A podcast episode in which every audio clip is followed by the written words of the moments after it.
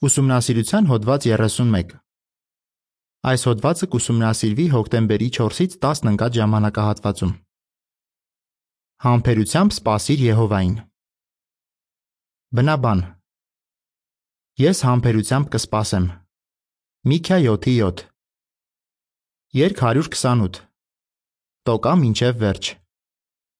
Այս հոդվածում Թերևս լսել ես, որ Եհովայի երկար տարիների հավատարիմ ծառաներից ոմանք այսպիսի խոսքեր ասեն. Երբեք չէի պատկերացնի, որ այս տարիքին կհասնեմ, եւ նոր աշխարհը դեռ եկած չի լինի։ Հատկապես այս դժվար ժամանակներում բոլորս փափագով սպասում ենք, թե երբ է Եհովան վերջ դնելու այս չար աշխարհին։ Բայց մենք պետք է սովորենք համբերատար լինել։ Հոդվածում կքննենք Աստվածաշնչյան սկզբունքներ, որոնք կօգնեն մեզ համբերությամբ սպասել։ Կտեսնենք, թե հատկապես որ իրավիճակներում կարիք ունենք սпасելու Եհովային։ Նաև կիմանանք, թե ինչ օրնություններ կստանան նրանք, ովքեր պատրաստակամորեն սпасում են։ Բարբերություն 1-ից 2։ Հարց. Ինչ ենք քննելու այս հոդվածում։ Ինչ ես զգում, երբ քեզ անհրաժեշտ իր ես պատվիրում եւ առաքումն ուշանում է։ Անհանգստանում ես։ Ինչպես առակներ 13-ի 12-ում է ասվում, Ձգձգվող ակնկալիքը հիվանդացնում է սիրտը։ Իսկ ինչ կզգաս, եթե իմանաս, որ քո պատվերը հարգելի պատճառով է ուշանում։ Այդ դեպքում թերևս ավելի հակված կլինես համբերատարությամբ սпасելու։ Այս հոդվածում կքննենք Աստվածաշնչյան սկզբունքներ, որոնք կօգնեն մեզ համբերությամբ սпасել։ Նաև կքննենք երկու իրավիճակ, որոնցում կարիք ունենք համբերությամբ սпасելու Եհովային։ Եվ կիմանանք, թե ինչ օրհնություններ կստանան նրանք, ովքեր պատրաստակամորեն սպասում են։ Սկզբունքներ, որոնք սովորեցնում են համբերատար լինել։ Բարբերություն 3։ Հարց. Որ միտքն է ընդգծվում Առակներ 21-ի 5-ում։ Առակներ 21-ի 5-ը ընդգծում է համբերատար լինելու կարևորությունը։ Այնտեղ ասվում է. Ամեն շտապող կարիքի մեջ կընկնի։ Ինչ ենք սովորում։ Իմաստուն մարդը որևէ բան անելիս չի շտապում, այլ համբերատարություն դրսևորելով հասնում է լավ արդյունքների։ Բարբերություն 4 Հարց. Առակներ 4-ի 18-ում ինչ սկզբունք է գրված։ Առակներ 4-ի 18-ում ասվում է, որ արդարների ճանապարհը պայծառ լույսի պես է, որը ավելի ու ավելի է պայծառանում, մինչև որ օրը լրիվ լուսավորվի։ Այս համարը հիմնականում վերաբերում է այն բանին, թե ինչպես է Եհովան աստիճանաբար իր նպատակները հայտնի դարձնում իր ժողովրդին սակայն այն կարող է վերաբերել նաև քրիստոնյայի հոգևոր աճին։ Հոգևոր աճի հարցում չի կարելի շտապել։ Դրա համար ժամանակ է պետք։ Երբ խորությամբ ուսումնասիրում եւ կիրառում ենք այն խորհուրդները, որ տրվում են Աստծո խոսքի եւ նրա կազմակերպության միջոցով, աստիճանաբար քրիստոնեավայել հատկություններ ենք զարգացնում։ Բացի այդ, մենք ավելի շատ գիտելիքներ ենք ձեռք բերում Աստծո մասին։ Ուշադրություն դարձնենք, թե Հիսուսն ինչպես ընդգծեց այս միտքը։ Բարբերություն 5 Հարց. Որ օրինակով Հիսուսը ցույց տվեց, որ հոգևոր աճը աստիճանաբար է լինում։ Հիսուսը թակավորության բարի լուրը նմանեցրեց մի փոքր սերմի, որը աստիճանաբար աճում է անկեղծ մարդկանց սրտերում։ Նա ասաց. Սերմը ծլում է ու աճում, իսկ թե ինչպես, նա ցանողը չի իմանում։ Հողը ինքն իրեն պտուղ է տալիս։ Դուրս է գալիս նախ ցողունը, հետո հասկը, ապա հասած ցորենը հասկի մեջ։ Մարկոս 4:27 եւ 28։ Ինչ նկատի ուներ Հիսուսը։ Նա ուզում էր ասել, որ ինչպես բույսն է աստիճանաբար աճում, այնպես էլ նա, ով ընդունում է բարի լուրը, աստիճանաբար է աճում հոգեվորապես։ Օրինակ, երբ Աստվածաշունչ ուսումնասիրողը մտերմանում է Եհովայի հետ, նա սկսում է փոփոխություններ անել իր կյանքում։ Պետք է հիշենք, որ Եհովան է նրա սրտում աճեցնում այդ փոքր սերմը։ Նկար Պարբերություն 5. Նկարի մակագրություն Ինչպես բույսն է աստիճանաբար աճում, այնպես էլ նա, ով ընդունում է բարի լուրը, աստիճանաբար է աճում հոգևորապես։ Պարբերություն 6-ից 7 Հարց. Ինչ ենք սովորում այն բանից, թե ինչպես է Եհովան ստեղծել երկիրը։ Եհովան ցանկացած գործ առանց շտապելու է անում։ Նա համբերատարություն դրսևորելով տրամադրում է այնքան ժամանակ, որքան անհրաժեշտ է տվյալ գործը ավարտին հասցնելու համար։ Այդպես վարվելով նա փառավորում է իր անունը։ Նրա գործելակերպից օգուտներ են քաղում նաև ուրիշները։ Օրինակ տեսնենք, թե ինչպես է Եհովան ստեղծել երկիրը մարդկանց բնակության համար։ Աստվածաշունչն ասում է, որ երկիրը ստեղծելիս Եհովան սահմանել է նրա չափերը, խրել նրա պատվանդանները եւ դրել նրա անկյունակարը։ Հոբ 38:5 եւ 6։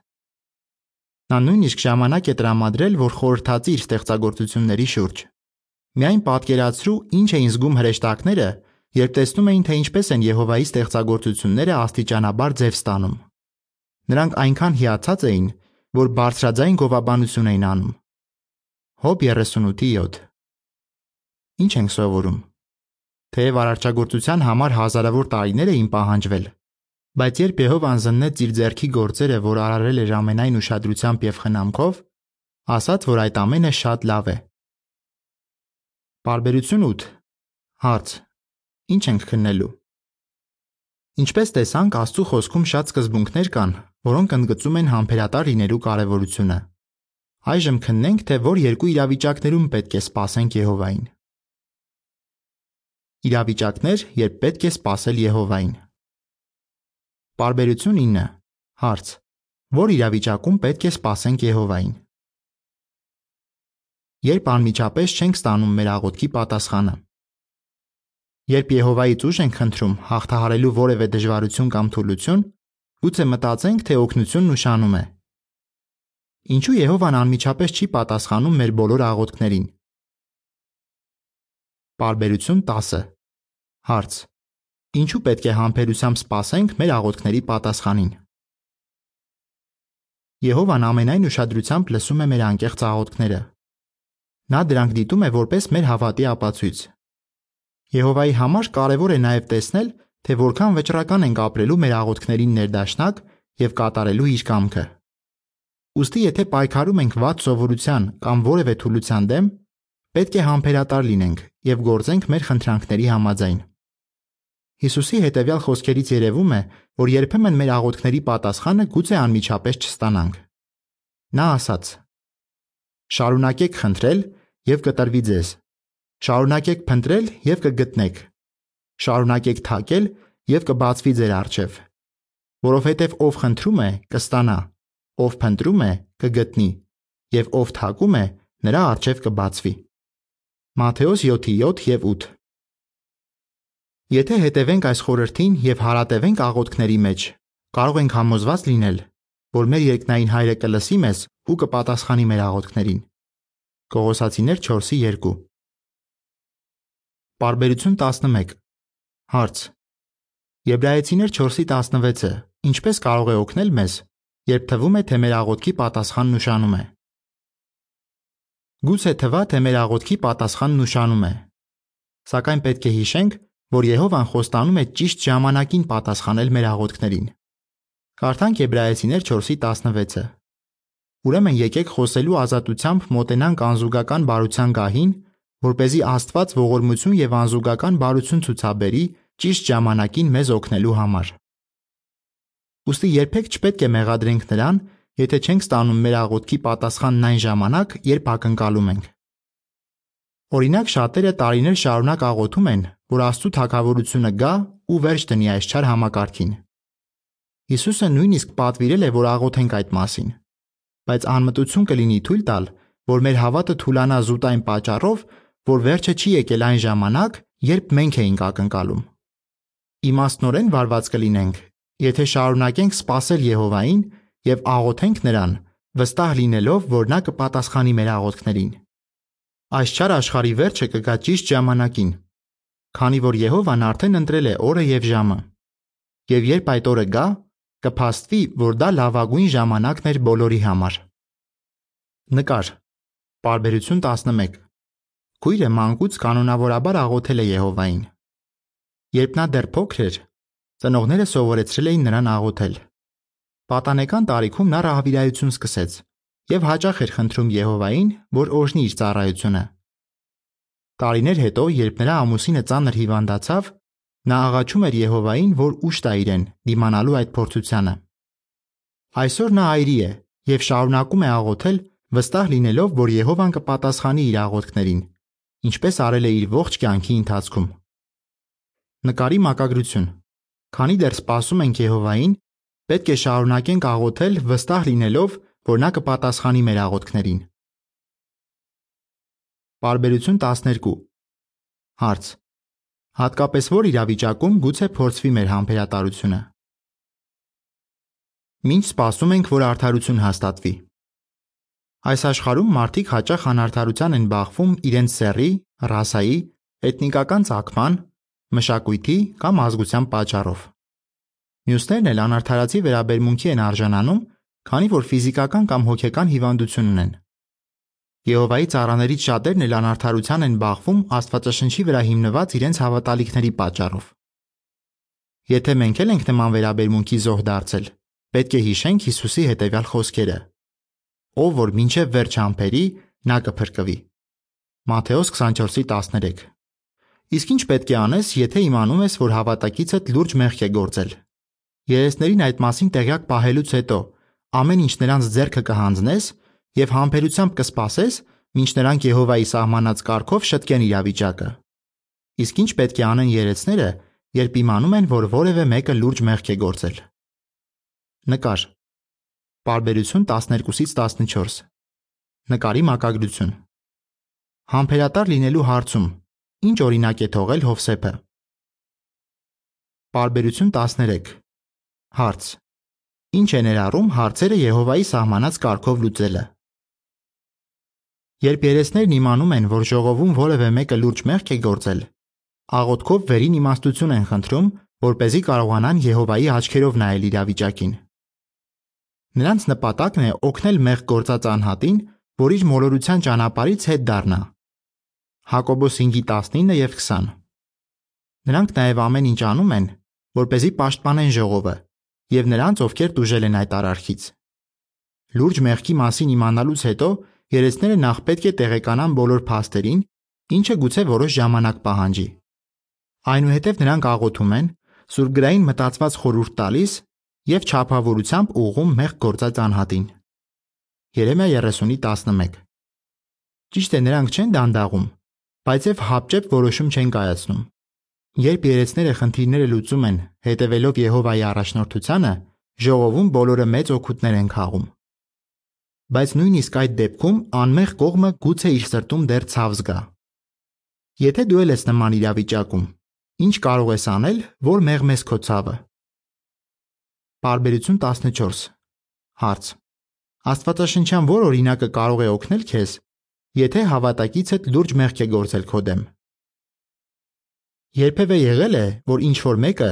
նույնիսկ հավատակիցդ, լուրջ մեղք գործի քո դեմ։ Աստծու խոսքում հիանալի օրինակներ կան, որոնք սովորեցնում են մեզ, թե անարդարությամբ բախվելիս ինչպես կարող ենք սպասել Եհովային։ Օրինակ, թեև Հովսեփի եղբայրները անարդարացի վարվեցին նրա հետ, սակայն նա թույլ չտվեց, որ նրանց արարքները դառնացնեն իրեն։ Փոխարենը շարունակեց իր լավագույնը տալ Եհովային, ով առատորեն վարչատրեց նրան համբերելու եւ դիմանալու համար։ Ժամանակի ընթացքում Հովսեփին հաջողվեց ներել իրեն ցավ պատճառողներին եւ տեսնել, թե որքան է Եհովան օրհնել իրեն։ Հովսեփի պես մենք էլ կմխիթարվենք, եթե մտերմանանք Եհովայի հետ եւ սպասենք, որ նա ճիշտ ժամանակին շտկի իրավիճակը։ Բարբերություն 15 Հարց. Ինչն օգնեց մի քրոջ դիմանալ անարդար վերաբերմունքին։ Ինչ խոսք, Հովսեփը բախվեց լուրջ անարդարության, Եվ այսօր քչերը գուցե հայտնվեն նման իրավիճակում։ Բայց բոլորս էլ ցավ ենք ապրում, երբ մեզ հետ վատ են վարվում։ Երբ ինչ-որ մեկի հետ խնդիր ենք ունենում, այդ թվում ոչ վկա անհատի, կիրառելով աստվածաշնչյան սկզբունքները օգուտներ ենք քաղում։ Քննենք մի օրինակ։ Մի քույր խիստ վիրավորվել էր, իմանալով, որ իր աշխատակիցը բացասական եւ սխալ տեղեկություններ է տարածում իր մասին։ Անմիջապես արձագանքելու փոխարեն քույրը ժամանակ տրամադրեց, որ խորհրդացի Հիսուսի օրինակի շուրջ։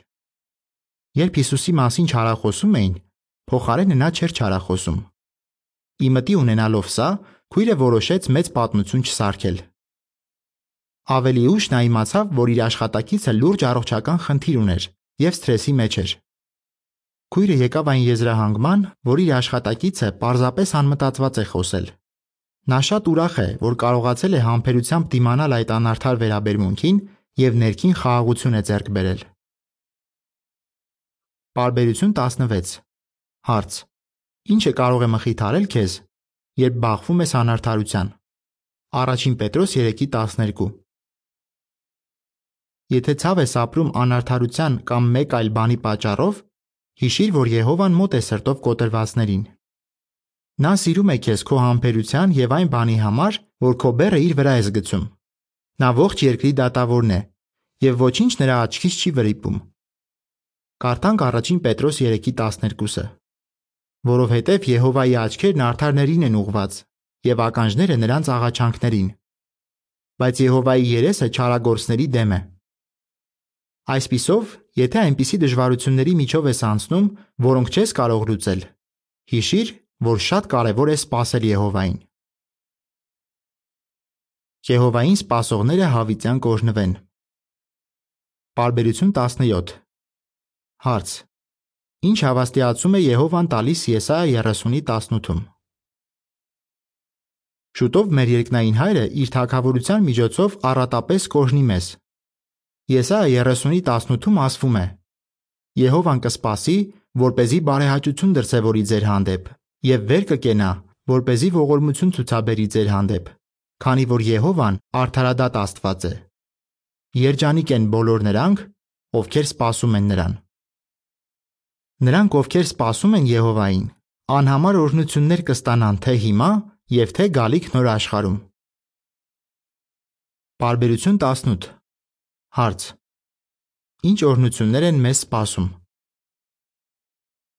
Նոր աշխարհում Աստծո ժողովուրդը այլևս չի ունենա մտահոգություններ եւ դժվարություններ։ Անարթարություն ու ցավ այլևս չեն լինի։ Մարդիկ չեն անհանգստանա, թե ինչպես են բավարարելու իրենց կարիքները, քանի որ ամեն ինչի առատություն կլինի։ Մեզ հիանալի ժամանակներ են սպասում։ Բարբերություն 19 Հարց. Ինչի է Եհովան պատրաստում մեզ այսօր։ Բայց մինչ այդ Եհովան այսօր օգնում է մեզ, որ ձերբազատվենք վատ սովորություններից եւ զարգացնենք իրեն հաճելի հատկություններ։ Այդպիսով նա պատրաստում է մեզ ապրելու իր թակավորության ներքո։ Ոստի մի վհատվիր եւ մի հանձնվիր։ Լավագույն ժամանակները դեռ արժևում են։ Հիանալի ապագայի հույսը մտքում վառ պահած, շարունակիր համբերությամբ սпасել Եհովային, ոչ նա կիրագործի իր նպատակը։ Կրկնության հարցեր։ Ինչ կպատասխանես։ Աստվածաշնչյան որ սկզբունքները կարող են օգնել մեզ համբերությամբ սпасել։ Որ երկու իրավիճակներում պետք է համբերություն դրսևորենք։ Ինչ օրհնություններ կունենան նրանք,